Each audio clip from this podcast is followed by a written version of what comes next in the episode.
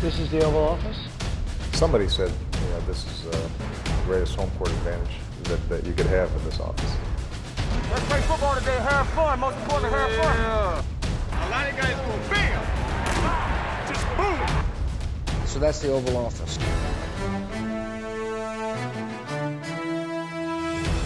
Hej og velkommen til det tredje af i alt fire optagsprogrammer til den kommende NFL Draft. Jeg hedder Mathias Sørensen, og ved min side har jeg først og fremmest uh, Thijs Joranger. Hej Thijs. Hej Mathias. Og jeg har også Dennis Kortsen. Hej Dennis. Hej Mathias. I de her fire programmer, der kigger vi på alle positionsgrupperne, øh, som jo øh, dækker over de spillere, der skal vælges i den kommende NFL Draft. Og det gør vi så, I, kan, så I derude kan få et overblik over, hvilke spillere I skal holde øje med og gerne vil have jeres hold til at drafte. Og her i tredje program gennemgår vi årets pass rusher, og der kombinerer vi den traditionelle 4-3 defensive end med 3-4 outside linebacker under den kategori, vi kalder edge, som det alt overskyggende udtryk for det. Og så kigger vi også på de store defensive tackles i midten af linjen, og det er altså både 4-3 defensive tackles og 3-4. De lidt større. Defensive ends og nose tackles. Ja, sådan det hele kombineret derinde under. Alle de store drenge i midten. Lige præcis. Jeg skal for god ordens skyld lige sige, at uh, dette program er optaget lørdag 14. april, små to uger før draften afholdes. Så hvis der i mellemtiden er sket et eller andet, som du ikke helt kan forstå, vi ikke snakker om, så er det altså derfor. Skal vi ikke bare komme i gang? Drenge, Edge-klassen, pass rusher, giv mig lige en opsummering på, hvad vi, øh, hvad vi har med at gøre der i år, Thijs. Ja, det er en årgang, der slet ikke er nærheden af at være på sidste års niveau. Um, det, er, det er lidt tyndt øh, med, med topkvalitet. Sidste år, der havde vi Miles Garrett, Solomon Thomas, øh, Charles Harris, Derek Barnett, TJ Ward, Takarist McKinley. De gik alle sammen i første runde. Øh, og jeg har sikkert glemt en mand eller to også. Øh, derudover var der jo Carl Lawson og... Øh, jeg ved ikke... Han var god. Han var god som, uh, som Bengals Han viste sig at være meget god. Han blev først valgt i 3. 4. runde. Nu blev det 3. 4. runde, tror jeg, man er. 4. runde. Ja. Og så tog de, de havde Jordan Willis i tredje runde, ja. og altså sådan en spiller som Jordan Willis, han havde jo været en top 3 edge formentlig i årets årgang. Det er, ja. det er ret, ret ringe, men øh, der er selvfølgelig en god spiller i hvert fald, som er, som er ret solid på mange parametre, og det er, og det er Bradley Chubb. Han er ikke oppe på Miles Garrett niveau, men altså, han forventes at gå i top 5, 6, 7, 8 stykker. Øh, og han er en ret god pass rusher. Han har en masse gode pass rush moves. Han er en rimelig habil atlet. Han er ikke en fantastisk atlet, men han er en god nok atlet, som som virkelig har øh, altså, som virkelig har mange gode pass rush moves og er udviklet sin teknik og god spilforståelse, god power, god styrke. Han, han er en rigtig god allround spiller, der, der nok skal blive en, en god spiller i NFL, og det er ligesom ham, som er overskriften, eller sådan manden i spidsen i, på edge-årgang i år. Ja. Og derefter, der bliver det lidt mere, øh, lidt mere tvivlsomt. Dennis, dit uh, take på årets edge rusher? Ja, som, øh, som det efterhånden er blevet øh, vanen i det her øh, podcast, så er jeg enig med Thijs. Øh, vi har det er godt, det er godt. vi har, vi har øh, Bradley Chop der i top 5, 6, 7, 8 stykker. Og så ja, har han vi nok, er konsensus top. Ja, han er, han er konsensus, ja. konsensus øh, første edge rusher. Ja. Og så har vi øh, nok også øh, Harold Landry og øh, Marcus Davenport som ret sikre øh, første valg trods alt. I, første rundevalg, ja. Hvad sagde jeg? Første valg. Ja, første rundevalg, undskyld. Ja, ja, ja. Øhm, Nogen holdes første valg. Nogle holdes første valg, ja. Nogle holdes første valg, men øh, ja, men første runde valg i måske allerede begge to i top 20, tror ja. jeg måske. Men, øh, men derefter så begynder det, som Thaj siger, at blive lidt sådan, øh, ja, ikke lotto men, men, men øh, mindre sikre spillere og mindre store talenter, ikke? Der er mange forskellige typer pass rusher nu om dagen. Lad os lige prøve at tage fat i Chop, fordi det er nok det navn, som flest lige vil lægge mærke til, i hvert fald i starten af draften. Hvad er han for en type? Jamen, han er en lidt større øh, defensive end. Han er ikke øh, sådan en øh, lidt han er ikke en lille, ligesom Von Miller for eksempel, øh, eller Harold Landry, som vi kommer til at snakke om lidt senere. Han er lidt større, han har lidt flere kilo på kroppen, øh, har lidt mere power i den forstand. Øhm, nu kommer vi til, at når vi snakker øh, om pass rush, så kommer vi til at snakke rigtig meget om atletiske evner, fordi den, altså evnen til at have eksplosivitet, øh, når bolden bliver snappet, og evnen til at kunne ligesom arbejde fra et lavt tyngdepunkt og dreje sig rundt om de offensive linjefolk, er rigtig, rigtig vigtige, hvis du skal være en, en, en dygtig pass rusher af en eller anden grad. Øhm, og selvom Chop, han er, han er rimelig eksplosiv, øh, så er han ikke, han er ikke en topatlet på, på de parametre, som vi for eksempel så Miles Garrett sidste år, der var en freak øh, på, på rigtig mange områder. Så han er ikke den der topatlet, men han har som sagt noget power, og så har han de her så har han et, et bredt arsenal af pass moves, som han, altså han ved, hvordan man skal bruge øh, hænderne øh, til at, at slå den, øh, den offensive tackle. Han kan arbejde begge veje, altså både udenom tacklen, ind, indenom tacklen, og på den måde, der er han bare teknisk øh, rigtig raffineret som pass rusher. Det er selvfølgelig også en super vigtig ting. Det, øh, det nytter ikke noget at være atletisk, hvis du øh, ikke kan finde ud af at bruge dine hænder, eller ikke ved, hvordan du øh, kommer ind til quarterbacken. Det kan du bare spørge Bud Dupree om. Ikke? Han er også sindssygt eksplosiv, men, men det er Steelers, øh, Steelers øh, ja. det, det, øh, ja, øh, outside linebacker, som blev valgt i første runde for tre år siden. Øh, han er også sindssygt eksplosiv, og det ser rigtig, rigtig vildt ud, når han engang med dem kommer ind til quarterbacken. Det gør han bare ikke consistently, fordi mm. han kan ikke finde ud af at bruge sine hænder. Endnu i hvert fald. Nu må vi se, om det nogensinde lykkes for ham. Men, men det kan Chop. Så selvom han ikke har atletiske evner i, i topklasse, så kan han kompensere, øh, og, og skal nok blive en rigtig, rigtig god defensive end. Altså Joey mm. Bosa er en anden spiller, som heller ikke er en vanvittig atlet, men også bare har rigtig, rigtig god teknik. Så du kan sagtens komme rigtig, rigtig, rigtig langt og blive en rigtig, rigtig god spiller på, på teknik. Og det er den type job, han er. Ja. Som Chargers fan, der er du bekendt med Bosa. Jeg går også ud, hvor du har et chop øverst, øh, Dennis. Ja, det har jeg. Ja, hvem, er, hvem, hvem, hvem kommer så efter ham, og, og hvor stort er hullet egentlig? Fordi vi snart, nu, nu, du nævner Davenport, og du nævner øh, Landry og sådan noget, men hvor, hvor stor er springet egentlig? Jamen, jeg, altså, det er egentlig betragteligt at de alle sammen er i overvejelsen til første runde, og nok går i første runde. Øh, Bradley Chubb ser jeg som værende en, en sikker pass rusher, kan man sige, i NFL. Harold Landry er en spiller, som har et ret stort spænd for, for spiller, han kan være. Han kan ende som en, øh, måske en Elvis Dumerville, øh, eller en øh, Dwight Freeney-agtig type, men han kan altså også ende med at være en lidt mere sekundær rusher, som bare kun kan på speed. Altså, han kan måske også blive en Vic Beasley, som- hvilket jo også er et rigtig godt valg at få. Men, men han kan også bare ende med at blive en, forestil jer, en Vic Beasley, der er lidt mindre øh, stærk. Så han har svært ved at komme ind og rigtig Findes det? skabe separationen. Jamen, jeg kan ikke lige komme på, Nej, komme på en mand, men, øh, men, men der er bare et, et stort spænd for, hvis han lige nøjagtigt ikke har den sidste, øhm, den sidste edge for at komme rundt om manden, så forsvinder han bare lidt på spil. Måske sådan noget Jerry Hughes, øh, Hughes-agtigt noget, ikke? Og Bills lige nu. Ja. ja. Altså, og, og, og det er måske ikke en mand, man har lyst til at bruge et uh, top 10-valg på. Nej, Han er, han er lidt et wildcard, fordi altså det er stadig job, vi er på, ikke? Nej, nu er Nej, det på, er, undskyld, det er på uh, Harold Landry. Det Okay, nå ja, håber jeg fik ja. Chop, chop, er, chop er god. Ja, Chop er ja. sikker, og så er der Så- Landry ja, det er hernede, mig, og så har ja. vi en, uh, en spiller som måske en Marcus Davenport, der er, ja, du kan vel kalde ham lidt en bullerbasse eller et eller andet, ikke? Ja, Øh, det kan vi godt kalde ham. Han, han spiller hos et, uh, en lidt mindre skole, men trods alt stadig i den bedste, bedste college-række, hvis man kan sige det. Uh, Er det Boston College, eller? Nej, han, det er Landry, der spiller Det- hos Boston ja, College, ja. og øhm, Marcus Davenport spiller hos øh, University of Texas San Antonio, Ja, det er rigtigt, ja. ja. øh, UTSA, som Ja. det vist hedder. Øhm, men han er god til at konvertere, når han kommer op i fart, og så ligesom løbe igennem tacklen, og på den måde komme ind mod quarterbacken. Når det ikke lykkes præcist med hans power, og han ikke kommer helt lavt nok, så er han stolt, solgt til Stanglerkris. Altså, han, øh, han, er, han har ikke nogen teknik, ligesom som Bradley Chop for eksempel har, selvom de har noget af samme power på, på mange spil.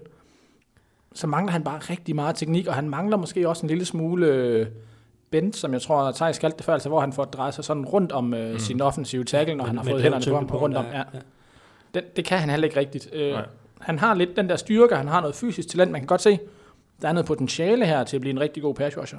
Men man fornemmer også bare, at der skal noget til, for han kan få indfriet det stadigvæk. Ja. Der, der mangler også den der pass rush plan, altså den der plan med, en ting er at, at være god med alle de her forskellige pass rush moves, øh, altså være teknisk raffineret med dem.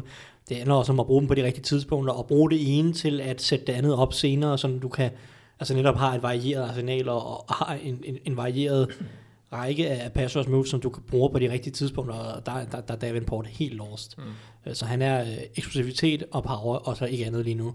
Øh, Han virker bare som en mand, der gør et eller andet.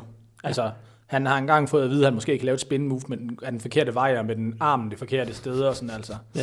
Man, man, man ved ikke rigtigt, hvad man får. Jamen, altså lige nu, altså han, han, tager, han er eksplosiv, så han tager de første tre skridt, og så prøver han at løbe igennem den offensive tackle og se, om han kan ende hos quarterback, Ja. ja. og så øh, håber han lidt på, øh, at, at, at det lykkes. Ikke? Men, men altså sådan nogle, sådan nogle spillere øh, kan også godt blive gode spillere i NFL, det er slet ikke det, men, men, men der, der er meget noget teknisk, der skal udvikles, og det er det også lidt det samme med Harold Landry, han skal også blive bedre med sine hænder, og han skal også være mindre en one-trick pony, fordi han løber ikke igennem sin mand, som Davenport gør.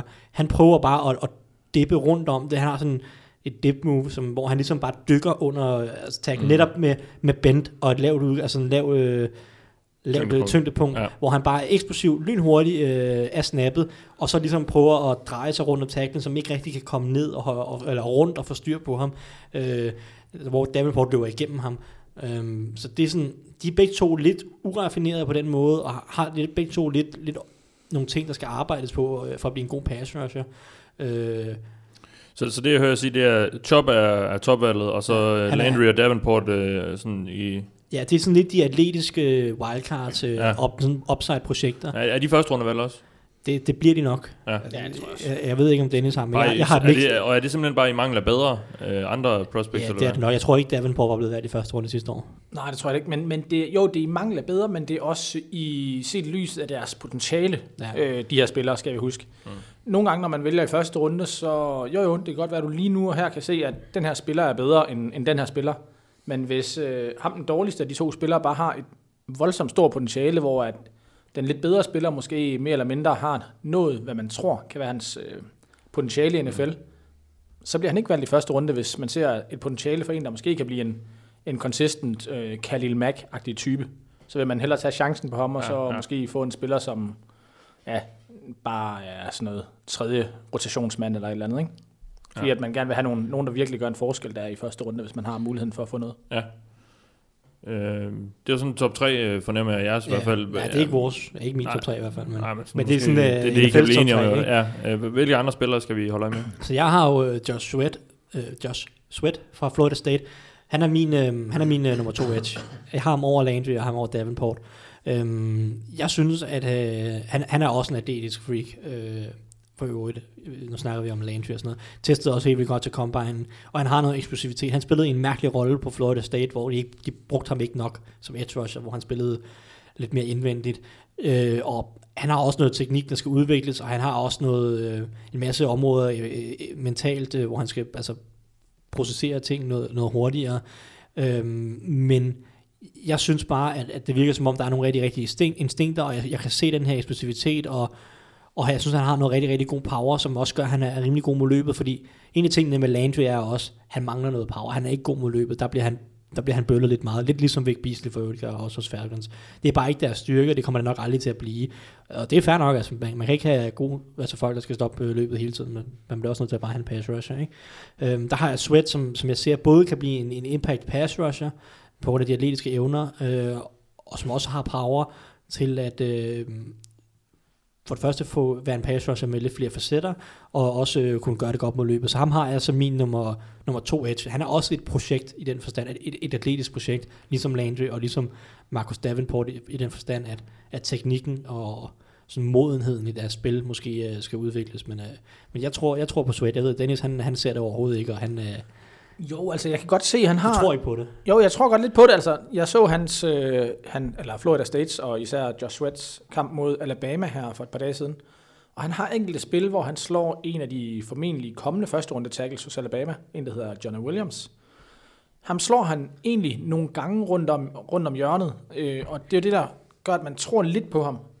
For, for, for mit vedkommende i hvert fald. Men så er der også bare rigtig, rigtig mange spil, hvor Jonah Williams ligner en mand, der kunne have sovet. Altså, og stadigvæk have, have klaret udfordringen af at stå over for Josh Sweat. Og det samme gjorde sig i virkeligheden gældende for deres højre tackle. Øh, så han har bare lige et par flashes, eller sådan 3, 4, 5 gange, hvor man siger, okay, der er noget potentiale her. Men så, han, så forsvinder han bare resten af kampen, synes jeg. Men, men det, det er jo så der, jeg mener, at, grunden til, at han forsvinder, er så netop i den rolle, han blev brugt på Florida, Florida State, hvor han legnede meget op som, som fortex, som man kalder det. Altså, de fleste edge så de liner op uden for tacklen, og også et, godt stykke uden for tacklen i, hvad man skal kalde, seven tackle eller, eller wide nine. Der linede han op meget, meget langt indvendigt, der var ofte en mand ude, uden for ham, så han kunne ikke få lov til at vise den her eksplosivitet, øh, eller bend, eller prøve at komme rundt om tacklen, fordi han ofte havde en eller anden form for forpligtelse indvendigt. Og, og så derudover, så beder Florida State ham meget om at, øh, han, han sagde get off, altså når man kommer af snappet, ikke? når bolden bliver snappet, og man skal i gang. Hans get off der, han bliver, der læser han meget på tacklen, altså han kigger ikke på, om bolden bevæger sig, ofte så ser man spillerne kigge, indad mod bolden, mm. for at se, nu bliver den snappet, Ja. så er det i gang. Ikke?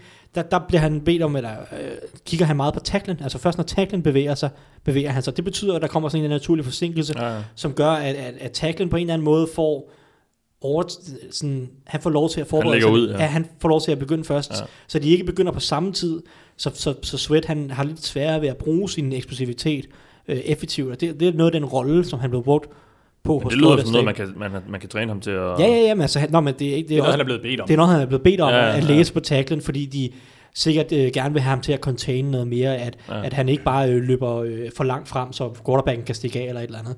Så, så Så det er noget, man bare skal bede ham om anderledes, og og det er det, jeg mener, at, at når, han bliver, når, han endelig får, når han endelig får lov at slippe tøjlerne, så synes jeg, at jeg ser øh, øh, netop den her eksplosivitet og atletiske evne, som gør, at han, han, han kan blive en god spiller. Så, så for mig er, er grunden til, at han forsvinder ud af kampen, er lidt den rolle og de, lidt de ting, han blev bedt om hos Florida State. Øh, og, og det er derfor, jeg tror måske lidt mere på øh, hans potentiale, end, end Dennis gør. Mm. Du nævnte tidligere Marcus Davenport i forbindelse med det med, man kigger måske mere på ham i forhold til det potentiale, han har. Er han den øh, i den her klasse, der har det største potentiale, sådan som du ser det, Dennis? Nej, det, har, det tror jeg stadig ikke Bradley Chop har, Ja. øh, sådan rent atletisk. Øh, men der er, der er en del potentiale spillere faktisk i den her draft på, på øh, edge rusher-klassen. Der er en spiller som, øh, undskyld, der er en spiller som, øh, hvad hedder han, øh, øh, Lorenzo Carter, hedder han selvfølgelig, Lorenzo Carter ud af Georgia, som har testet øh, fremragende til, til Combine. Men når man ser ham på, på hans øh, kampbånd, så jeg, jeg kan ikke finde ud af, om han er en edge rusher, eller om han er en linebacker, der også er dårlig til at læse sine ting som linebacker. På den, den måde, han primært får sine sacks og sine højdepunkter er, når han fra bagsiden af er ublokeret, fordi han er sindssygt eksplosiv, og har en, øh, en, øh, altså en god lukkefart, hvad jeg vil kalde det closing speed, hedder det på engelsk, mm. hvor han virkelig får lukket afstanden til quarterbacken virkelig, virkelig hurtigt, når han får lov at give los. Og dermed har, selvom at man godt, altså angrebet har ligesom bestemt, okay, det er okay, at du løber frit igennem. Hvis, hvis vi bare blokerer dem på den her side af bolden, så har vi tid nok til at få bolden væk. Det har man bare ikke altid mod uh, Lorenzo Carter, fordi han er så sindssygt hurtigt. Men det er også bare den eneste måde, han vinder på. Hvis, han, hvis der er en mand over for ham, så slår han bare ikke rigtig manden. Mm. Og så kan han være nok så god en atlet i NFL. Hvis man kun er atlet, så bliver du en uh, Bicarbus, Bicarbius Mingo. Ja. Ja. Hvorfor får jeg rodet i alle de dårlige navne her? Arkivius Mingo, ja. Øh, ja. Eller, eller en, øh, hvad hedder ham der, worker-out warrior for, for Jets, for nogen, Vernon Golson. Ja, Ja, Golston hedder Ja. Altså, så bliver man sådan en type spiller, hvis man ikke kan andet. Ja. Øh, og, Og det er derfor, der er nogen, der tror, at han, han måske er netop er linebacker, fordi så får han lov til at løbe mere mod bolden, og ikke måske have så meget en mand lige foran, som, lige foran ham. Men altså personligt, så, så tror jeg, jeg vil hellere vil beholde ham som edge rusher og, og prøve at arbejde på nogle af de ting, for jeg synes, han, han, han læser slet ikke spillet godt nok som, som linebacker. nej, han, han får ikke det ud af de atletiske evner som linebacker, fordi at han bare reagerer så meget langsommere end de andre. Altså, Det var, Det- det, det- var Dennis, en, øh, Dennis' bud på en, der havde stort øh, potentiale, Lorenzo Cardo. Har du øh, Ja, en altså, anden? Harold Landry er også oplagt, ikke? men der er også forskellige andre atleter. Der er, øh, der er sådan en som Uchenna Nvusu, som Dennis er ganske glad for øh, fra, fra USC. Øh, Han er, han er lidt en speciel type på en eller anden måde. Han er lidt undersized. Han, han er lidt han er, han er ikke så tung i det, så han mangler også noget power og lidt styrke mod løbet. Øh, men han har, han har rigtig godt get off, altså eksplosivitet. De første par skridt er han virkelig hurtig. Øh, og han testede ret, ret godt i forhold til ja, både Combine og Pro Day. Det er sådan lidt en kombination. Han, han lavede nogle af øvelserne øh, lidt senere.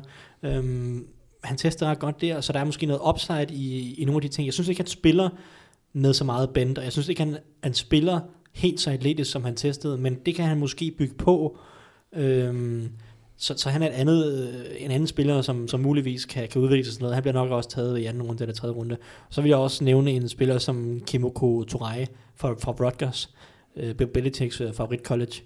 Øhm, han har også nogle atletiske evner og noget, noget, noget bend, som gør ham spændende, hvis han kan finde ud af at øh, sætte en pass plan sammen og øh, bliver, bliver noget stærkere og, og sådan noget. Øh, men altså, sådan, nogle, sådan nogle spillere er der bare en del af. Det er sådan, de mangler alle sammen ret meget teknisk, eller ret meget øh, instinktivt i, i forhold til det her at rushe passeren.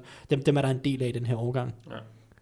i, I forbindelse med Envuso, som, øh, som Thijs øh, hvad hedder det, snakkede om lige her for lidt siden, så, som han siger, det er en ret speciel spiller, der er meget af de der, enten nogle, sådan nogle bullertyper, ligesom Davenport, eller nogle rigtig speedy typer. Øh, Envuso er mere den der ganske atletiske type, der kan smyge sig lidt rundt om folk. Høj, undskyld. øh, og så har, så er han en rigtig klog spiller, synes jeg. Altså, han er, hvis man snakker om battede passes, altså at slå bolde ned, så er, altså, han er klart den bedste i hele, i hele årgangen. Ja, det er helt han, han slår så mange bolde ned ved line og scrimmage, man forstår det slet ikke. Og når han så er så klog en spiller, og han har den her gode teknik til de her ting, så undrer det bare en person som mig, at han er så dårlig en takler, som han er samtidig. Fordi han har alle de der basis ting på plads, men han kan bare ikke takle. Det er sådan lidt, lidt en spøjs ting, det er ikke, hvis man kommer ind til quarterbacken, men så bare glider forbi ham. Altså, det gør han nogle gange. Hvis han var bedre til takle, så, havde, så tror jeg, han var blevet nævnt som, ja, måske endda første rundevalg i den her draft. Jeg håber ikke, at pizzaen vi lige har spist der er på vej op, øh, Dennis. Nej, nej, men vi skulle have lidt middagsmad. det er godt. Øh, andre navne, vi lige skal have nævnt. Jeg, jeg har noteret mig, at I ikke har snakket så meget om uh, Sam Hubbard, selvom Ja, han... Sam Hubbard er også en spiller, som formentlig bliver valgt i anden runde. Måske kan han snige sig op i første runde. Der er Virker som en Patriots-spiller der i bunden af Patriots første runde, faktisk. han er rimelig, ja. han er rimelig altid rimelig klog, rimelig uh, disciplineret, ikke? Ikke en vanvittig god atlet, sådan eksplosivt set. Han har ikke sygt meget fart, men han, han har noget rimelig god, han bevæger sig stadig rimelig godt, sådan, øh, skal snakke agility er sådan adrætheden, bevæger sig stadig rimelig adræt, selvom han ikke er så eksplosiv. Og så er han bare en rimelig klog spiller, han har noget rimelig, klog power, øh, rimelig god power, øh, sjældent ude af position, rimelig god mod løbet, øh, hvor han kan komme af sine blokeringer og lave nogle taklinger. Han kommer ikke til at runde 10 sacks i sin NFL-karriere ret mange gange, hvis det overhovedet sker. Men han kan godt få øh, 7 sacks per sæson, og samtidig være solid mod løbet.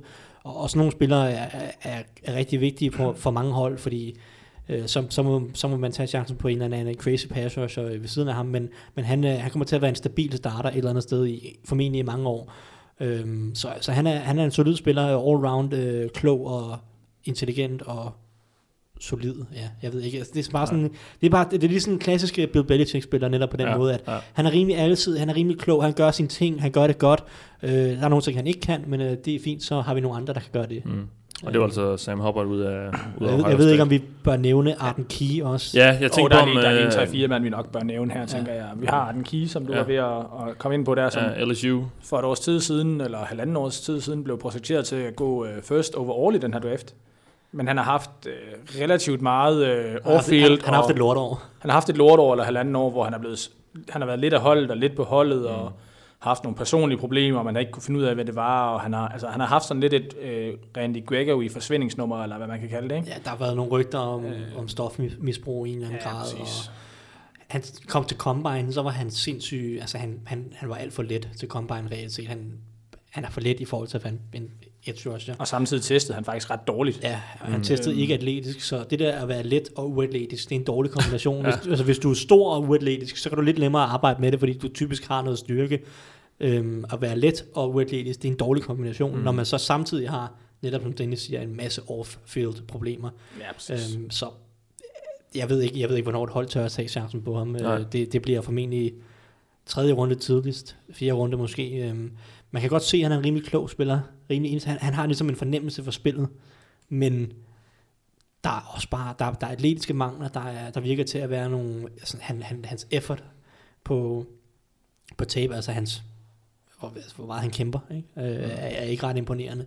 Så ja, han er, han er en af de der spillere, som jeg ved ikke, nogle hold måske tør at tage chancen på, men formentlig øh, vil halvdelen af holdene overhovedet ikke have ham på deres draftboard og bare sige, nope, den chance, den skal vi ja. med med tage, fordi Det gider de slet ikke bruge tid på. nej, det gider de ikke bruge tid på, den, øh, den tvivlsomme øh, karakter af personen. Ja, øh, ja. øh, Øh, De sidste to, jeg egentlig havde i tankerne her, var Jeff Holland ud af, øh, ud af Orben, som, som viser os altså lidt af de samme tendenser som Carl Lawson. Slet ikke på samme niveau, synes jeg. Men han virker lidt som den samme. Han er ikke den der store, lange pass rusher, som, som nogen hold godt kan lide.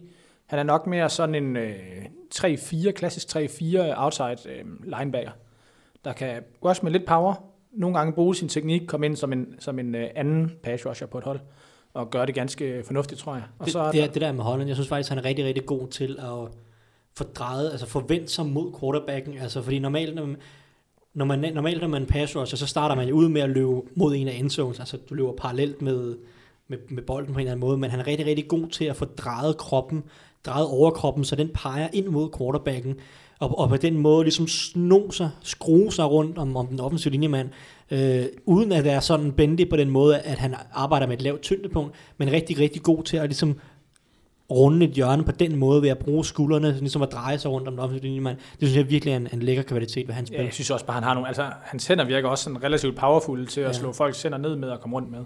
Han, han kan godt blive en udmærket spiller, ja. Det tror jeg, han gør. Øh, og så er der Duke Ejiofor, tror jeg, han hedder. Ikke en af Thijs yndlingsspillere, men øh, jeg tror godt, han kan blive en god øhm, 4-3 defensive end, altså en klassisk 4-3 defensive end. Jeg så øh, to øh, tapes af ham tidligere, altså to øh, kampe af ham tidligere, hvor han i det første, øh, den første kamp virkede som om, at det ragede ham som en, en høstblomst. Ja. Øh, og han, mod et relativt dårligt hold, fik han ikke ret meget ud af det. Så så jeg den næste kamp, jeg overvejede kun at se en kamp af ham og tænkte, det, det er ikke tiden værd. Øh, men så så jeg en kamp mod Florida State, hvor at han, altså ek- eksplosiviteten viste han, Han viste bare, altså, han viste sig, som- som om indstillingen var en helt anden. Øh, og når indstillingen var der, så, så lavede han også bare spil. Han kom forbi, mm. han fik presset, han fik lavet de taklinger, han skulle. Hans indsats var der også i løbespillet, som sagt, og jeg synes bare, han var meget mere til stede, og en spiller, der godt kan gå også måske endda i, i top 100 og blive en... Altså, jeg vil ikke fuldstændig afvise, at han bliver sådan den anden, tredje, fjerde bedste pass rusher i den her klasse. Jeg, jeg er ikke overbevist om, at han kan overføre til spil til NFL, men det han har netop modsat mange af de andre her, som vi har snakket om, det er, at han har rimelig god teknik. Øh, fordi mange af de andre har vi snakket om, de er rimelig atletiske, men de ved ikke, hvordan de skal bruge deres hænder. Ejiofor har rimelig gode hænder, han, han, har, nogle, han har nogle pass rush moves, han har, han har et par spin moves, han har et par inside moves, han, han har også noget, altså han, han ved, hvordan man bruger sine hænder. Øh, jeg er ikke så solgt på hans eksplosivitet og hans atletiske evne, jeg er ikke sikker på, at han, og jeg er ikke sikker på, at han kan vinde på samme måde i NFL, som han gjorde i college, men, men, det er sådan, altså, men, men han, han ved, hvordan man bruger sine hænder, og det, det er jo i hvert fald en anden type, end der er mange af de andre, vi har snakket om. Øh, så, så for et hold, der, der værdsætter det, så vil han klart være appellerende. Jamen, han er også en lidt tungere type, kan man sige. Han er igen den der, hvis der er en, der har en, en let... Altså i de gamle klassiske øh, NFL, hvor man havde en let en på højre defensive end, der skulle pass rush fra den blinde side, og så en lidt tungere en, der skulle prøve at stå lidt mod løbet, og så samtidig prøve at runde den lidt dårligere højre tackle. Det er lidt den type, jeg ser ham som i, øh, i NFL. Ja. Jeg har en påstand, som, øh, som I skal forholde jer til. Det er nogen, som jeg har lavet, som I ikke har set på forhånd, så I ved ikke rigtig, hvad der kommer jeres vej nu. Øh, I får så begge to lov til at diskutere den lidt. Øh, Bradley Chop bliver kun omtalt som et top 10, top, top 5 eller top 10 valg i draften, fordi afstanden ned til den anden bedste edge er så stor. Nej. Nej, Jeg tror også godt, han kunne have gået top 10 sidste år. Ja. Ikke i top 3 eller top 5, men han har haft en chance for top 10 også i mange andre år. så god er han. Han, så, så god er han teknisk, og han er heller ikke nogen dårlig atlet. Øh, Nej. så nu, altså selvom jeg har siddet og sagt, at Harold Landry og sådan nogle er bedre atleter, så er Chop stadig en klart overmiddel atlet i, i NFL. Så han er, han, er, han er en dygtig spiller, der har gået højt i, i alle årgange. Enig. Ja. Øh, Eventuelt et bud på, hvor mange der bliver taget i første runde. øh, pass En pass rusher? Ja. Oh, det er jeg ikke overrasket. Skal jeg lige prøve at kigge her engang.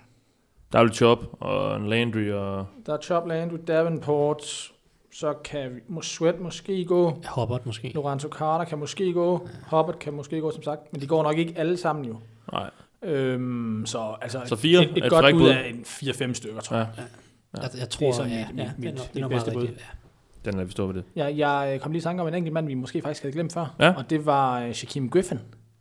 Ja, den enhåndede. Den enhåndede... Om man øh, så er edge eller linebacker, det Eller må vi safety. Men lad, os- lad os tage ham nu. Så. Jamen lad os bare tage ham. Det var bare, jeg kunne se lige, at Thijs har skrevet ham faktisk ind i sit dokument her. Jamen det er rigtigt. Så vil jeg lige nævne ham, fordi han har ja. den der helt forrygende fart. Han løb under 4-4 til, øh, på 40-yarderen til Combine, hvilket Det er, er uhørt. Det er uhørt for en mand, der måske skal spille edge rusher i hvert fald. Ikke? Ja, ja. Men han er så også rigtig let for en edge rusher, hvad skal det så lige uh, nævne i Vi samme snakker Arden Key vægt. Vi, sn- jeg tror, vi snakker under. Arden Og hvad er det, 210 eller sådan noget, han ligger på? 225-30 Ja, jeg stykker. tror, at Ah, en Kia okay. er 240, så... Ja, jeg tror, Okay. ja, 238 til Combine Key, hvilket stadig øh, er blandt de absolut letteste edges i NFL. Ja, ja. Man snakker to, to, altså, tre, fire outside linebacker, ligger typisk mellem 2,45 2,55, men de skal jo også kunne gøre lidt i opdækningen. Det er jo altså, den store forskel mellem, 3-4 outside linebacker og 4-3 defensive ends, det er, at 3-4 outside linebacker, de bliver bedt om at gøre lidt i oplæg, en gang imellem. Så de skal typisk kunne bevæge sig en lille smule mere, og det betyder også, at de typisk er lidt, lidt lavere i vægt. En 4-3 defensive end ligger måske lidt mere mellem 2,55-2,60 og helt op til 2,80 måske øh, de tungeste. Måske ja, der er måske nogen, der er endda er 92, synes jeg er rigtig tung, ikke? Men, øhm, så, men Arne Kia er endnu lavere end det laveste nærmest, og ja, Griffin nu, har du slået den Ja, op? Griffin 227, han, altså, han har jo, me- altså, selv for en linebacker, er han sådan næsten lige til den lette side, ikke? Ja. Så som outside linebacker er han, er han bare let, men han kan jo godt være sådan en, en der spiller så lidt den, øh, lidt den øh, altså situationspass rusher, der kommer ind, når, når det er nødvendigt på tredje down måske.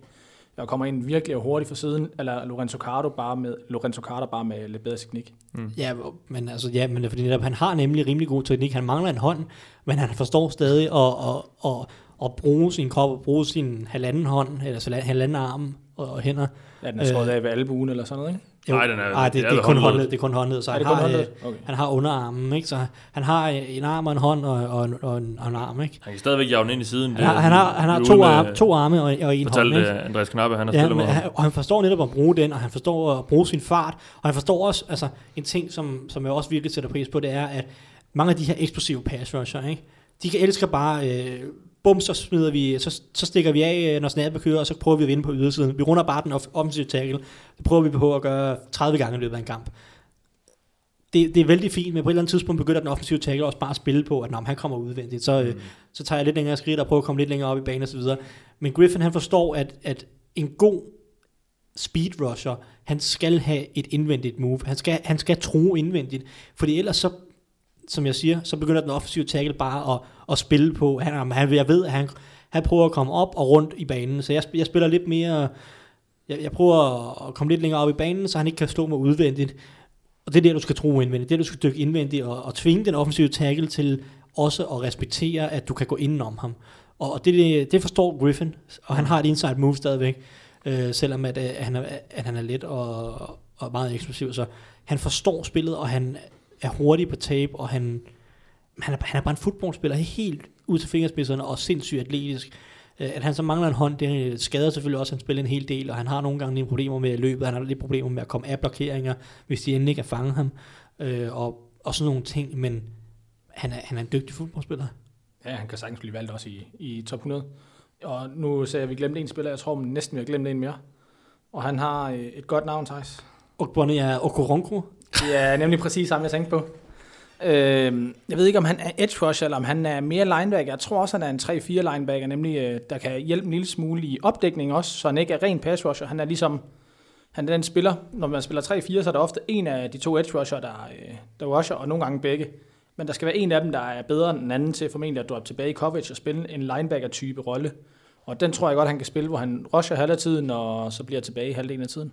Lidt, øh, eller måske en rolle som øh, Von Miller i Denver, hvor han også øh, pass rusher en del, selvom han er 3-4, øh, 4, 3 linebacker, hedder det, undskyld. Ja. Øhm, hans, hans problem er, at han er ikke så god til at komme på ydersiden. Han er mere, han er faktisk lidt modsat Harold Landry og nogle af de andre. Han, hans bedste move er på, på indersiden. Øhm, og det kan godt være lidt en udfordring, hvis man ikke kan komme udvendigt. Det gør det nogle gange lidt for let for, for pass rusher i NFL. Eller tackles i NFL. Det går godt, det her. Let's go have some fun, bro. We ain't got to talk about too much. Let's go have some more fun, Sharon. We just having fun and we working, baby. That's it, baby. Lad os gå fra de hurtige øh, på kanten til de store i midten. Vi skal snakke øh, defensive tackles, og øh, Thijs, du får lov til at indlede med din øh, opsummering på årets øh, defensive tackle-klasse. Jeg synes faktisk, den er, jeg synes faktisk, den er dårlig. Hvis jeg skal være helt ærlig. Øh, Der er ikke ret mange spillere, som, som jeg har solgt på. Men man, har, man snakker ligesom om to-tre tackles i første, defensive tackles i første runde. Jeg er ikke den store fan af nogen af dem. Og hvis man kigger på dybden, så synes jeg, den er... Altså, kommer du forbi de første seks, så, så, falder det bare, så er det bare en klippe, du har falder ud over. Der er så... Jeg ved ikke, om jeg skal sige langt, men der er virkelig langt mellem snapsene, øh, når vi kommer ned til tredje, fjerde, femte runde, synes jeg.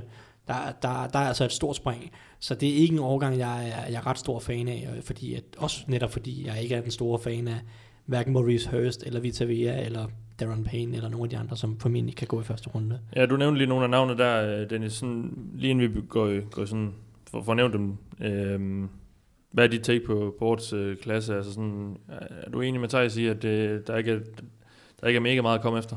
Altså, det, det er jo ikke den, øh, den store, store klasse. Jeg er nok lidt mere positivt stemt over for det, end, øh, end Thijs er sådan. Men det er også, fordi jeg godt kan lide Maurice Hurst fra Michigan. Der. Han er en ja. lidt, øh, lidt undersized dude. Han var i fokus ved Combine, fordi han... Havde lo- nogle hjerteproblemer og sådan han- noget, eller i hvert han fald var blev- mistænkt for Han at blev holdt ud af, testen af på grund af hjerteproblemer. Der Men har fundet. så fået lov at være med til sin pro day, Ja. og han er vist blevet clearet. Og, mere Og det kom også frem, at, at det, var, han, det var blevet fundet før det her øh, med hjertet, og Okay, en anden læge i, øh, netop i Michigan-tiden, så, Okay. øh, så, så det var ikke helt nyt. okay. Men, Så- øh, men, men ham kan jeg egentlig godt lide. Han er... Altså, han bliver nok undervurderet lidt, fordi han ikke er, igen, den klassiske NFL øh, defensive tackle. Han er ikke 300, 305, 310 pund. Han er ikke 6'3, han er kun lige øh, ja, 1 meter og 82, 83 eller sådan noget, ikke? Altså 6'1 på, mm. på det amerikanske mål. Øhm, så hvis der kommer rigtig meget power i løbespillet, kan han godt få lidt problemer. Men han er en three-tech, der spiller lidt ligesom, for jer derude, der måske ikke har set så meget college, men bare og ikke kender teknikkerne, så lidt mere sådan en Gino Atkins-rolle, eller en Gerald McCoy-rolle i, uh, i NFL. Altså den, den mand, der skyder lidt mere, hvor Speedy, den anden, øh, ja. den anden defensive tackle er lidt stærkere mod løbet, og lidt større, og prøver at klokke måske en ja. eller to, Ja. øh, to løbebaner. Der er Maurice Hurst med en, der tager en, og så øh, er han god. Altså han er bare, han er glat, han er svær at blokere for, for den offensive linjemand på, på kastespil, og han er god til at komme rundt, og jeg synes egentlig også, at han er en ganske okay afslutter, når han skal, skal takle her, og jeg har set ham endda, jeg tror, slået både double teams og triple teams i college, som, øh, selvom han ikke er verdens største defensive tackle, så ham kan jeg egentlig godt lide. Ja.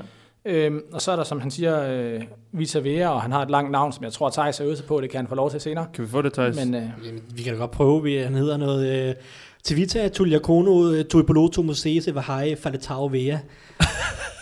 noget af den stil. Kort sagt, Vi- Vita. Du ved, Altså, altså, i Vita den Vea. retning, ikke? Ja. Hva? Vita som sagt, via Vita Vea. Ja, lad os bare holde det til det. Øhm, han, er, han er meget, meget større, men han er, og han skal nok blive valgt i første runde, det synes jeg også er fair nok, han gør. Men han har ikke det store talent, og, eller jo, han har det store talent, men han er ikke den der helt vildt, vildt, vildt talentfulde spiller, ala, som man nogle gange har set deroppe i, i, i starten af første runde. Og efter dem, så er det bare anden runde og tredje runde valg og lidt projekter og rene øh, runstopper eller noget, der ligner. Ikke? Mm. Det er ikke de der komplette defensive tackles, der, der virkelig kan gå ind og ændre verden. Nej. Hvad synes du om glatte Maurice Hurst? Jamen, jamen... Øh, okay. Fordi du er jo bare ikke lige så hot på Nej, ham, som, øh, jeg, altså, jeg, jeg kan godt se øh, nogle af de samme ting, som Dennis kan se med, øh, han har noget god eksplosivitet. Jeg synes bare overhovedet ikke, han er lige så eksplosiv og lige så stærk, øh, som en Dino Atkins, eller en Gerald McCoy, eller... Nå, men det er han heller ikke. Nej, øh, og jeg synes, han testede ikke så godt som en atlet. Han testede rimelig gennemsnitligt på mange områder, og jeg synes, det er rimelig tydeligt, at han, han mangler lige den sidste i forhold til at være helt oppe i den niveau. Jeg ser ham mere være en Timmy Jernigan i NFL, den type. Øh, de er også nogenlunde sammenlignelige størrelsesmæssigt. Jernigan er bare en lidt dårlig atlet. Og Jernigan har også det samme, med, som jeg synes Hurst har. De er meget afhængige af time snappet, altså at de øh, kan time snappet, at, altså de kan eksplodere, øh, ligesom forudsige, hvornår at quarterbacken slash centeren øh, har tænkt sig at snappe bolden. Det synes jeg, at, at begge to, øh, både Jernigan og Hurst, har i sit spil, og jeg er ikke sikker på, at, at, at du kan være lige så afhængig af det i NFL, som du er i college. Og så synes jeg også, at når han skal, altså, han skal jo leve som pass rusher. Som Dennis siger, han er ikke så stærk mod løbet igen. Han skal leve som pass rusher. Der synes jeg ikke, at han har så gode hænder endnu. Jeg synes, han, han må gerne blive meget bedre med sine hænder til at, at have et alternativ til bare at skyde gaps. Fordi som Dennis siger, han er rimelig glat, når han, kan bare, når han bare øh, eksploderer, og så prøver at skyde et eller andet gap, altså mellem to offensive linjefolk, så lykkes det nogle gange, og andre gange så lykkes det ikke. Når det ikke lykkes for ham at skyde et gap, så vil jeg gerne have, at han havde nogle hænder, som kunne give ham en plan B på en eller anden måde. Og, og det er der, jeg synes, han er lidt mangelfuld, og kombineret med, at, at de atletiske evner er ikke er helt i top, så tror jeg bare ikke rigtigt, at han kan nå op på den der Jared McCoy, Gino Atkins hylde, og så tror jeg mere, at han bliver en overmiddel øh, defensive tackle, som for eksempel Timmy Jernigan. Jeg tror heller ikke, han når op på Gino Atkins niveau, for det er, Gino Atkins er jo en, en fremragende spiller, det ved du som Bengals, øh, ja, Bengals fan. Ja, ja. Og han har ikke de samme atletiske evner, men, men hvis man tager en, der har måske nogle af de mere samme atletiske evner, så kan det være en spiller som Joel Casey, der spiller i Tennessee. Mm. Og det synes jeg også er ganske godt. Med Mike Daniels måske i, Ja, ja, i Green præcis. Bay. Men ja, ja, og så var der også en anden ting med Hurst, som irriterede mig, det var hans balance. Som jeg slet ikke, øh, og det kan godt være, at jeg har fanget ham på et par dårlige kampe, fordi at jeg så, nogle, jeg så tre tapes med ham for lang tid siden, og så så jeg to nye den her uge. Men de to nye her, han ender på jorden for ofte, specielt mod løbet. Altså der, der, der må han gerne have bedre balance og, og for, øhm, ej, ja, altså du, du gør ikke noget gavn, når du ligger på jorden, så, så takler du meget, meget sjældent en, en mand, så der må han gerne have lidt bedre balance, men altså, jeg har ham stadig som den bedste defensive tackle i årgangen. Jeg synes bare ikke, han er noget fantastisk prospect. Jeg har, jeg har ikke givet ham i første runde grade. Du har Hurst over øh, Jeg har Hurst Vea. lige over Vea. De, har Ja. praktisk, de ligger side om side, basically. Det er jo to helt forskellige typer. Vita Vea, han er en nose tackle, der skal Ja, ja, ja. han Kæmpe er, stor. Han er en mobil nose tackle, ikke?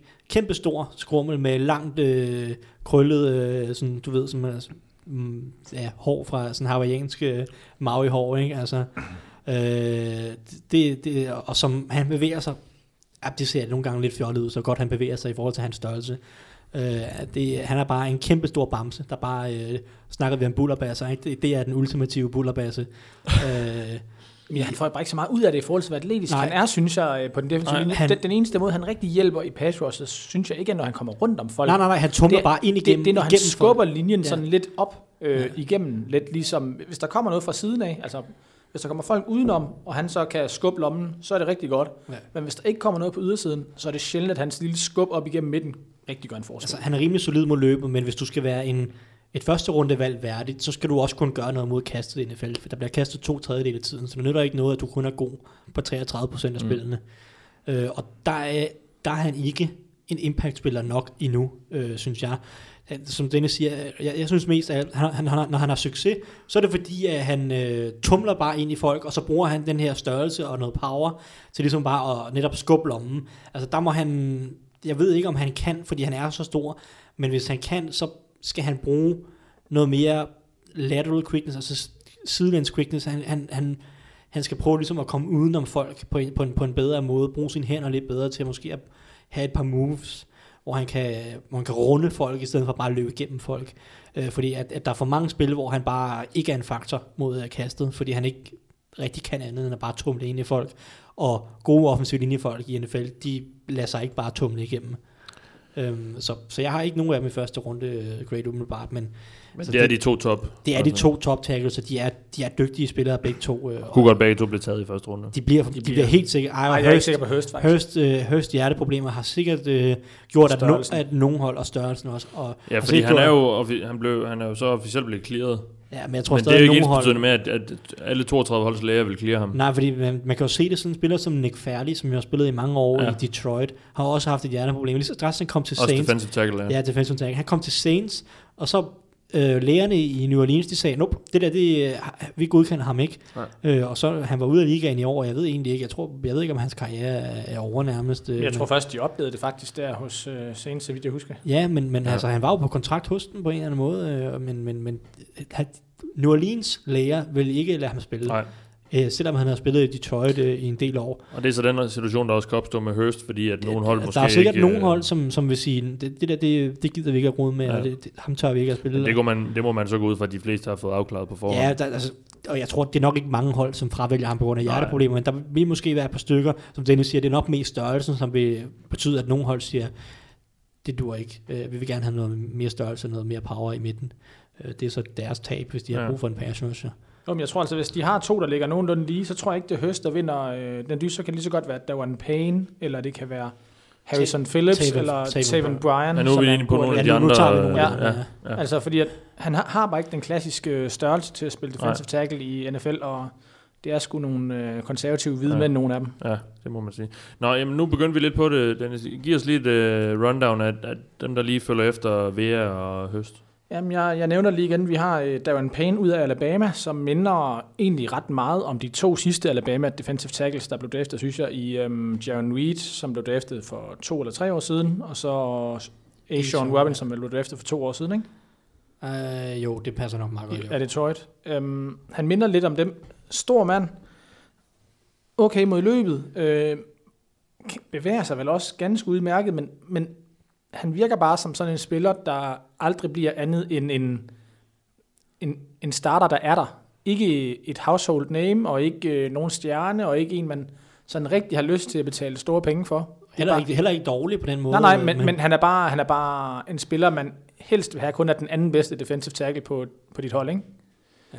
Sådan har jeg det i hvert fald. Men, men der er også det der med, med Payne, det er, at, at når man ser, når man ser hans tabe i løbet af året, og ser nogle af de her kampe, så er han, så er han ret uinspirerende at se på meget af tiden, øh, og det virker ikke som om, at han, han helt gider lige meget på alle snaps. Men så når man ser hans øh, hvad hedder det, National Championship Game, altså det vil sige finalen i college football her fra i januar måned, hvor at Alabama netop var i finalen mod Georgia, der spiller han en rigtig, rigtig god kamp. I hvert fald første halvleg specielt, var han virkelig, virkelig ustoppelig på en eller anden måde, og, og havde en meget, meget stor impact mod kastet i forhold til, altså det havde han nærmest ikke haft i nogle af de andre kampe overhovedet. Jeg tror, han havde flere presses i den halvleg end alle de, jeg, jeg tror, jeg har set tre eller fire andre kampe med ham. Øhm, så der er måske også en eller anden form for, øh, hvor- hvor god er hans indstilling egentlig til tingene. Er han sådan en, der kun øh, spiller i de store kampe, eller, øh, eller gider han også øh, fra dag til dag til træning? Øhm, men, men ja, han er lidt svær, netop fordi, at der var så stor forskel mellem den ene kamp og, og nogle af de andre kampe. Fordi hvis han spiller, som han gjorde i championship-kampen, så har han nogle evner, også som, altså selvom han egentlig er en, er en nose tackle eller en one tackle type, så har han egentlig også nogle evner som pass rusher, i hvert fald mere end den gennemsnitlige nose tackle. Men hvis han bare er ligesom alle de andre kampe, så er han bare, som Dennis siger, lidt en, en fin spiller at have, men ikke nogen, der gør en forskel. Lad os kigge lidt på, øh, ligesom vi har gjort ved, øh, ved de andre positioner. Hvem tror I, der får mest succes i NFL? Hvem, hvem, hvem kan hurtigst øh, tilpasse sig spillet? Dennis? Jeg tror, jamen, altså, det er jo det er let at sige her, at Vi har øh, Vita Vea og Mois Høs som de to første. Og det er også dem, jeg tror kommer til at klare sig bedst for dag et. Altså, Ja. øh, Ja. det er en lille smule sådan, som jeg har, altså, en lille smule sådan, som jeg har rangeringen, og også sådan, jeg tror, de kommer til at klare sig fra dag et. Øh, den eneste, der skal bryde det, det er en spiller som Tevin Bryan, der måske skal have en lidt længere øh, tilvændingsperiode. Jeg har ham som femte, en mand, der nok kommer til at gå, mm. måske sidst i første runde, eller en gang i anden runde, fordi han er en, en super god atlet, men Han, er ikke løber rundt som en hovedløs kylling. ja, Det meste altså, af kampen. Så der er mere upside der. Ja. der, der er rigtig meget upside fra ham. En spiller, der kommer fra, fra Florida. God atlet. Han kan, altså, han kan komme igennem som, som three tech, altså det er ligesom Moise Hurst, bare meget mere atletisk. Men han, jeg, på den måde, han gør det lige nu, tror jeg, bliver meget svært mod øh, spillere, der ikke er øh, voldsomt dårlige NFL, offensive linjemennesker. Han, han ved jo ikke, hvad der foregår omkring ham. Altså meget af tiden, han, han løber bare i en eller anden retning, og så håber han på, at spillet også løber i den retning. Meget af tiden, synes jeg. Det er, det er sådan lidt... Øh, Det er stadig Tevin Bryan, vi er på, ikke? ja, nu er vi på Tim Bryan. Vi er stadig på ja. Tim Bryan. Ja. Altså, han, han løber i den retning. Han, han prøver at slå offensiv, den offensive tackle i den retning, og det, det er super fint, hvis øh, løbet også går, går i den samme retning, men hvis løbet går i den anden retning, så ender han øh, op, øh, jeg skulle til at sige 30 meter fra bolden. Ikke? Øh, det er sådan, Ja. Nede i Det- spillertunnelen. Ja, nede i spillertunnelen, mens at, øh, at, at running backen løber op, løber op ad sidelinjen. Det er sådan lidt, lidt lige nu, der er en del mentalt, der skal arbejdes med. Han skal simpelthen øh, forstå, hvad det er, hans øh, opgave egentlig er. Øh, Er der sådan en spiller, hvor man siger, okay, om to-tre år, så, så, kunne det være, så kunne det være rigtig sjovt. Nu, nu, nu nævnte Ja. de så lige Tevin Bryan, men øh, er der andre... øh, ja, det ved jeg ikke, men... Øh, Nej. Men altså, hvis vi skal kigge på folk, der er ren defensive tackle, så er det jo en spiller, som måske... Jeg ved ikke, altså Washington Green er jo ikke rigtig defensive tackle. Han er måske en 3-4 end, eller måske en Rasheen edge Green rusher. fra, ja, fra USC. fra USC. ja, han kan også være han er en free en, tech. ja, han er en Han, han, han er en rigtig god atlet, og han viser nogle, nogle momenter, hvor han virkelig får skubbet offensive linjemennesker bagud, men han mangler meget teknik og sådan noget stadigvæk, og i løbespillet bliver han nogle gange skubbet nærmest 5-8 yards bagud af en enkelt tight end, var jeg ved at sige, ikke altså. Så, så, så der er bare kæmpe variation i hans spil. Ja. Han, han, man kan godt se, at han har igen de her øhm, højdepunkter, hvor man kan sige, okay, hvis du virkelig får, får en god coach, du virkelig får udviklet dig, så er han sådan en spiller, der kan komme, måske ikke være på Justin Smith-niveau, en gammel øh, 49er-spiller, Ja, og men, men, Bengals, men øh, sådan en type spiller, der kan spille en 3-4 end og få et godt skub indvendigt, og faktisk også kan være god mod løbet, hvis han får sat lidt kilo på, og han får en rigtig god træner, og, han, altså, og alt lykkes. Mm. ja, men så ham, snakker vi jo netop også et eller to år nede af Ja, men det er også Ja, han, ja. potentiale frem, ikke? Han skal ikke spille næste år i NFL. Det, det, vil, det, det går helt galt. Så. Ja. Men altså, jeg vil også, du nævnte i forhold til spillere, som jeg tror kan have en, du, som du tror kan have en god karriere, eller du vil have også til at nævne nogen. Vi snakker lige om Harrison Phillips, men jeg vil også nævne Derek Nardi. De to er, er rimelig gode mod løb, og det er sådan de klassiske runstopper. Ikke? De er ikke så atletiske, og de kan sgu ikke rigtig noget mod kastet, men de er ret gode mod løbet begge to, og sådan nogle typer, de kan altså overleve ret længe i NFL.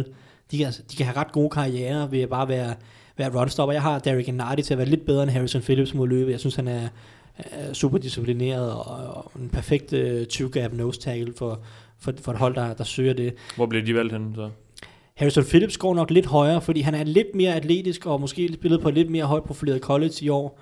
Øh, Ah, nej, de spiller for Florida State. ja, så. men som i år øh, absolut ikke havde noget fokus, fordi de var Men ja. rimelig elendige. Så er det anden runde, eller så? Harrison Phillips er anden runde, Nardi er nok sidst anden, start tredje, øh, men, men altså, det, det er gode runstopper, og jeg tror, de kommer til at have gode karriere i NFL. Ja.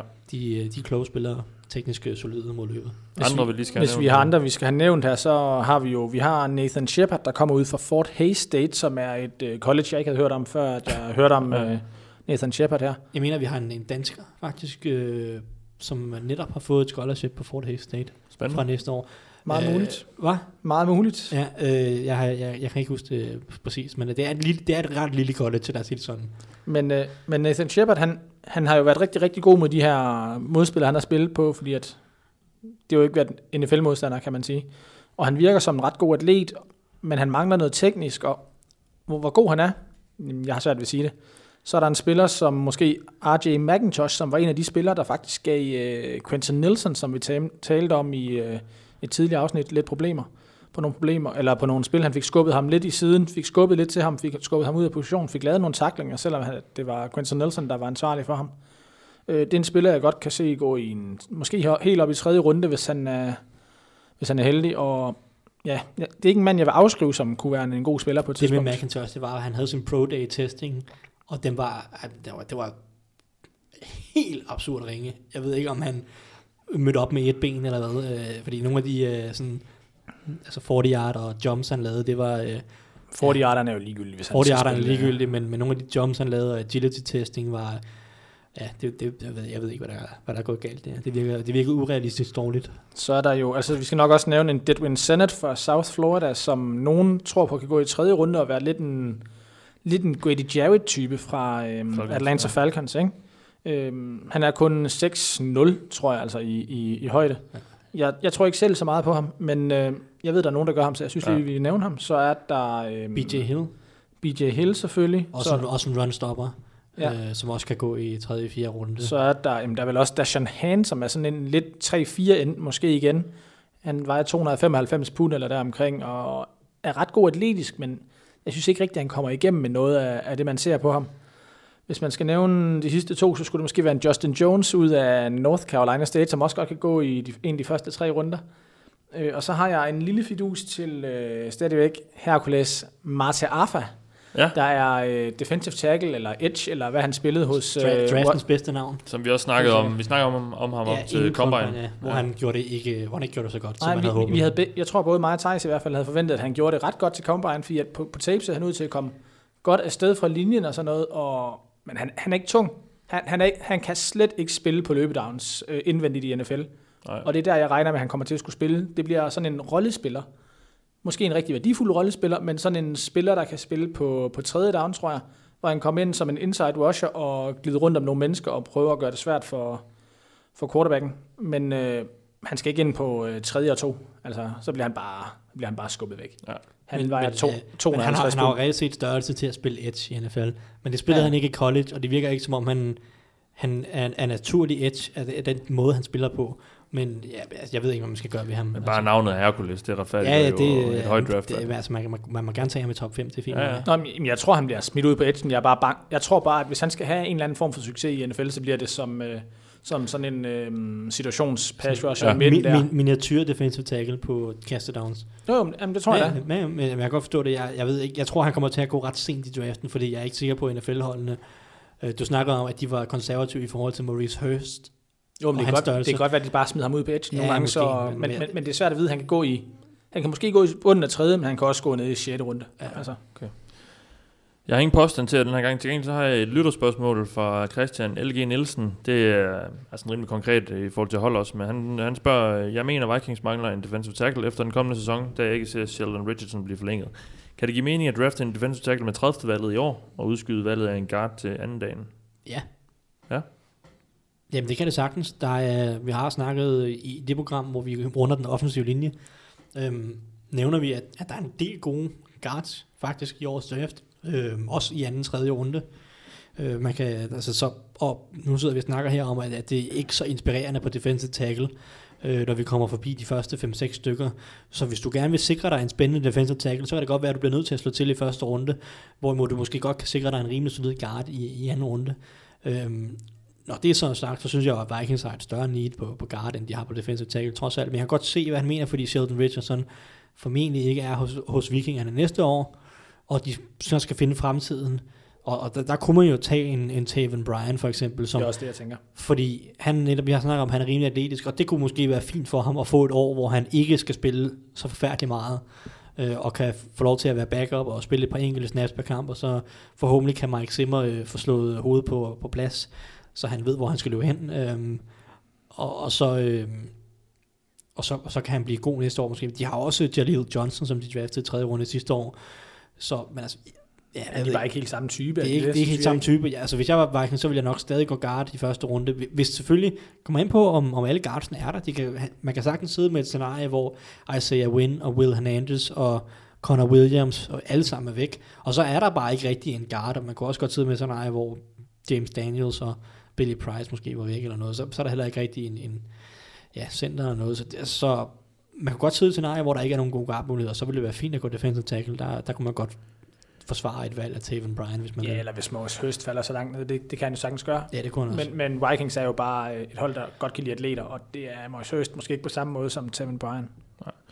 Nu øh, har vi lige lidt tid øh, til over, så, så vi tager lige nogle af de her lytterspørgsmål, vi har fået. Øh, de, de skyder så lidt i forskellige retninger. Øh, Mathias Lykkegaard spørger, skal Texans trade op for at få en spiller i anden runde? De har tre picks i tredje runde, Og er der nogen reelt tackle med en anden runde grade, I vil anbefale? Det skal jo... Øh, ja, de kunne sagtens finde på at trade op. Øhm, og det vil også give mening, hvis der er noget, de er, de er interesseret i. Og det ser man jo typisk for de hold, som øh, som udgangspunkt ikke har så mange høje valg, men har nogle senere. Jeg kan også huske Patriots sidste år, som de havde heller ikke nogen valg i de første par runder, men øh, havde en del valg senere, og de endte med at trade op et par gange for at sikre sig nogle af de her tredje rundevalg, hvor de, jeg tror, de tog Derek Rivers på et tidspunkt i tredje runde, tradede sig lidt op for at sikre ham. Det samme kunne man sagtens se Texans gøre. Øhm, jeg ved ikke, altså tackle, det kommer meget ind på, hvor, hvor meget NFL har, har lyst til at reache på nogle af de her spillere. Jeg skulle til sige reach i den forstand, at de vælger dem lidt tidligere, end de egentlig burde, på grund af, at der bare er så få af dem. Øhm, men hvis, ja, jeg ved ikke, hvis Tyrell Crosby, eller ja, hvis Tyrell Crosby begynder at falde ned i blandt de sidste 10 picks i anden runde, så kunne jeg godt se Texans prøve at trade op efter ham, men, men der er ikke så mange gode tackles, som vi, som vi prøvede at nævne før, og ja, jeg ved ikke, de, ellers så må de prøve at tage chancen på sådan en som Brian O'Neill, som jeg snakkede om, som atletisk er god, men man mangler meget på andre områder, eller så må de prøve senere. Der er også nogle, ja, Chukwuma Okorafor, eller ja, Jaren Question måske, Jaren- eller Jamarco Will Jones. Richardson, eller... Jamarco Jones. Så der er et eller andet, der kommer. Orlando der Brown. Altså, man kan godt prøve ja. På nogle af de her defense, uh, offensive tackles lidt senere i draften. Der skal nok også være en, når Texans vælger i starten af tredje runde. Jeg ved ikke, hvor spændende det er. Og Nej. Det, men altså, ja, det, de, det, det er lidt svært at forudsige, fordi vi skal, vi skal 50 valg ind i draften, før vi kan snakke om, om Texans måske vil være interesseret i at trade op. Hmm, godt. Lidt mere sådan draft-filosofisk, den kan du så måske kigge på, øh, Dennis. Uh, Ja. Best player available eller scheme fit? Det kommer an på, hvilken situation man lidt er i. Ja, men han, han tegner det sådan op, det er Kenneth Andersen, der spørger, øh, vil du vælge en spiller, som der generelt vurderes som at være den bedste, men som ikke passer så godt ind i dit scheme, eller vil du passe, vælge en, der passer godt ind i dit scheme, men måske ikke bliver vurderet som at være den bedste på positionen? Jeg vil sige, det kommer lidt an på, hvorhen hvis du er tidligt i draften, øh, og har muligheden for at vælge en topspiller eller en top-top-spiller, så, så gælder det altså om at tage topspilleren, der passer ind i schemet, i for bare at vælge en top-top-spiller, der ikke passer ind. Men hvis du kommer rigtig langt ned, så er det ikke så vigtigt at have en, at der er en lille niveau, niveauforskel, hvis ham, der er lidt bedre, slet ikke passer ind i systemet, så er det bedre at få en, der passer ind i dit system, som... Øh, Men hvis man er tidlig i draften, så er det jo også netop, så er det også typisk fordi, at, at du har en masse mangler og en masse, masse huller. ja, præcis. Er det så ikke bedst bare at tage den allerbedste, du kan finde? Altså det, Jo, jo. Nå, men jeg mener, altså, hvis, hvis, det, eller- hvis det er på samme position, tænker jeg nu her, du spørger om. Ja. Men, men generelt skal du, du skal gå best player available af det, der giver mening, Ja. hvis, hvis det giver mening for dig. Altså, hvis, lad os sige, vi tager øh, Cleveland Browns, eller vi, hvad har vi et hold, der har nogle, nogle klare leads, men har nogle andre, der ikke er? Colts, øh, når øh, Jets eller et eller andet, de har også lad, mange lad os sige. Patriots måske egentlig. Okay. Lad os sige, Patriots en eller anden grund skulle have tidligt valg, det har de ikke. Men, men for dem giver det jo ikke rigtig nogen mening at måske tage en running back. Det giver måske heller ikke super meget mening for dem at tage en guard tidligt i Quentin Nelson, selvom at de egentlig godt kunne have et ni, eller ikke har et need der, men at han måske er den mest talentfulde spiller, der er. Der vil det jo give mere mening for dem at kigge på en pass rusher, selvom at Bradley Chubb måske er en lille smule dårligere. Eller kigge på en Walker Smith som linebacker, eller en Trayvon Edmonds som linebacker, fordi det er, det er også noget, de godt kunne bruge. Du skal mere, altså udelukke måske en 3-4 positioner, og så sige, okay, hvad har vi af de resterende? Hvem er de bedste på de her 4-5 positioner? Det er sådan, jeg selv vil gøre det i hvert fald. Hvis, hvis du, men, men modsat også, jeg, jeg er fan af, hvis du har et hold, som er rigtig, rigtig godt, og kun har et eller to needs, så har jeg ikke noget problem med at reache lidt for at tage en af de positioner. nej. Altså hvis du har øh, et hold som ja, jeg ved ikke, Saints eller Steelers i år, Saints har måske ikke et stort need mere, så de kan gå lidt, øh, lidt bredere, men Steelers har jo to store needs. De er egentlig ret godt holdt på mange år, men linebacker og safety, det er lidt noget skrammel jeg har intet problem med så at reach efter en af de to positioner en lille smule, i, i stedet for altså, at tage en af de andre positioner, hvor det er sådan, for eksempel i stedet for at tage en, en, en cornerback på en eller anden plan, fordi cornerback, jo jo, øh, om et år kunne de godt bruge en cornerback, men de kan ikke bruge en cornerback i år. Altså det vil sige, de kan bruge i 2019 kan de bruge en cornerback, de kan ikke bruge en i 2018. Så vil jeg hellere tage en linebacker, som måske er lidt dårligere, men som de kan bruge i 2018. Også fordi de er i, i, i et sted i deres franchise, eller sådan i, i deres status, hvor de går efter at vinde i år. Ikke? Så, men altså, men, men så ja. Det er svært at afgøre, fordi det kommer lidt an på, hvor stor afstand der er. Hvilke mangler har du? Har du et hold som Coles, der bare mangler alt, så hjælper det ikke, at du bare øh, siger, at nu vælger han safety. Altså, eller det vil de nok ikke, de har Malik Hooker, men, For- for, for for jeg tror, det, have et eller jeg andet tror det, specifikt. det, ikke? det, der menes her, det er det der med, for eksempel, hvis du vil have en linebacker, Mm. vil du så have Roquan Smith, der måske passer, altså nu er det bare et tænkt eksempel, fordi han er den bedste, eller vil du have uh, Leighton Van Der Esch, fordi han, er, han gør lige præcis det, du vil have. Altså sådan, jeg, tror, det, jeg tror, det er det, der menes. Ja. Jamen igen, det kommer, det kommer lidt an på, hvad du ellers har. og Sådan Ja, noget, ja, ikke? ja, Altså, ja. i det, Det er klart, det, det, det er virkelig situationsspecifikt, synes jeg egentlig. Ja, Øhm, ja. Du ved, hvis man, ligesom, er- hvis man er et sted, hvor Jets var i år 2017, altså inden 2017-sæsonen, hvor der, er- der er ikke en eneste position, hvor det var stærkt besat. Bogstaveligt talt. Altså sidste år, Jets inden 2017-sæsonen, der, okay, den defensive linje var ok, men jeg var jo ikke, altså man kunne godt bruge en spiller, hvis det var. Øh, men resten der var jo noget skrammel. Så er det ikke der, at øh, Ja, jeg skulle til at sige, det er ikke det, at du tager en safety, men Det gjorde de så. det gjorde ja. de Ja. så, ikke? Det er det, jeg mener. ja, men det er det, jeg mener med, at jeg synes ikke, der er god værdi at tage en safety. Så kan det godt være, at Nej. han passer godt ind i dit system, og, men altså, så vil jeg gå med en anden position. Men, men det, Godt. det er jo faktisk ikke best player available, fordi Nej, nej. den bedste spiller kan godt være en safety, det er bare ikke det, der giver mest værdi. Nej. Det, det er alle sammen sådan nogle debatter, som er meget, meget svære at, kringe Når- når, man tage, ikke i har- hvert fald på et generelt plan. Ja, ja, ja. Det er ligesom, hvis du regner uden at have tal nogle gange, altså. Så skal, Det du skal gerne have tal med for, at, for at være... Altså, du, Kan man få ikke det også noget med bogstaver nu om det? Det må du Jo, vide, det kan du Thijs. godt, Det er dig, der er naturfaglig Altså, du mener bare algebra eller hvad? Sådan, Ja, ja. øh, Du, må man, øh, Ja, men jeg, jeg er helt tabt på det der. det jeg forsøger jeg, at sige, jeg, ved er- ikke rigtig, hvad du mener. Nej, det jeg gør jeg forsøger at sige, er, at hvis du sætter bogstaver op, så ved du ikke, hvad værdier de forskellige bogstaver har, Nej. så er det svært at sige, hvorfor en der er størst. Altså, præcis. før du har sat værdierne ind på Lad os, lad os skynde os videre, inden vi yes. går Yes. selv mere til grin. Vi tager lidt hurtigt det, fordi det tror jeg, vi er rimelig enige om. Uh, Mathias Løkkegaard, han har også stillet nogle andre, men han spørger også, er det dumt, at, at Giants vil blive på nummer to, hvis de ikke tager en quarterback? Ja. Ja. Godt. Men er det ikke bare det? Altså, Jo. Der er ikke nogen, der vil kommentere på det? Det vil være den, Ej, dyreste, det vil være den Ja. dyreste guard eller running back, eller hvad de Ja. ellers kunne finde på nogensinde. Nej, edge rusheren er måske ikke. Edge rusheren, øh, edge rusheren er måske... Øh, Han fortsætter med at sige, at historien viser efterhånden, at der kan sælges enormt dyrt så højt i draften. Så. Præcis. Præcis. De kan få tre første rundevalg nærmest ja. for, for det valg. Lad, lad os sige, at de kan få, i stedet for, hvis de trader ned med Bills, ikke? får de to første rundevalg der, og så enten et andet rundevalg eller den anden. Ja. Så i stedet for at få øh, Quentin, hvad hedder han, Quentin Nelson, kan de måske få Roquan Smith og Lamar Jackson og en eller anden spiller, som altså, Mm. alle sammen er rimelig højt vurderet. Og der ved jeg godt, hvilke af, hvilke af de to scenarier jeg vil tage. Skal vi lade det være det sidste ord, det tror jeg. Øh, tak fordi du lyttede med på det der tredje program, øh, som optag til draften. Du har lyttet til mig, jeg hedder Mathias Sørensen, med mig har haft Thijs Joranger og Dennis Kortsen. Tak fordi du lyttede med.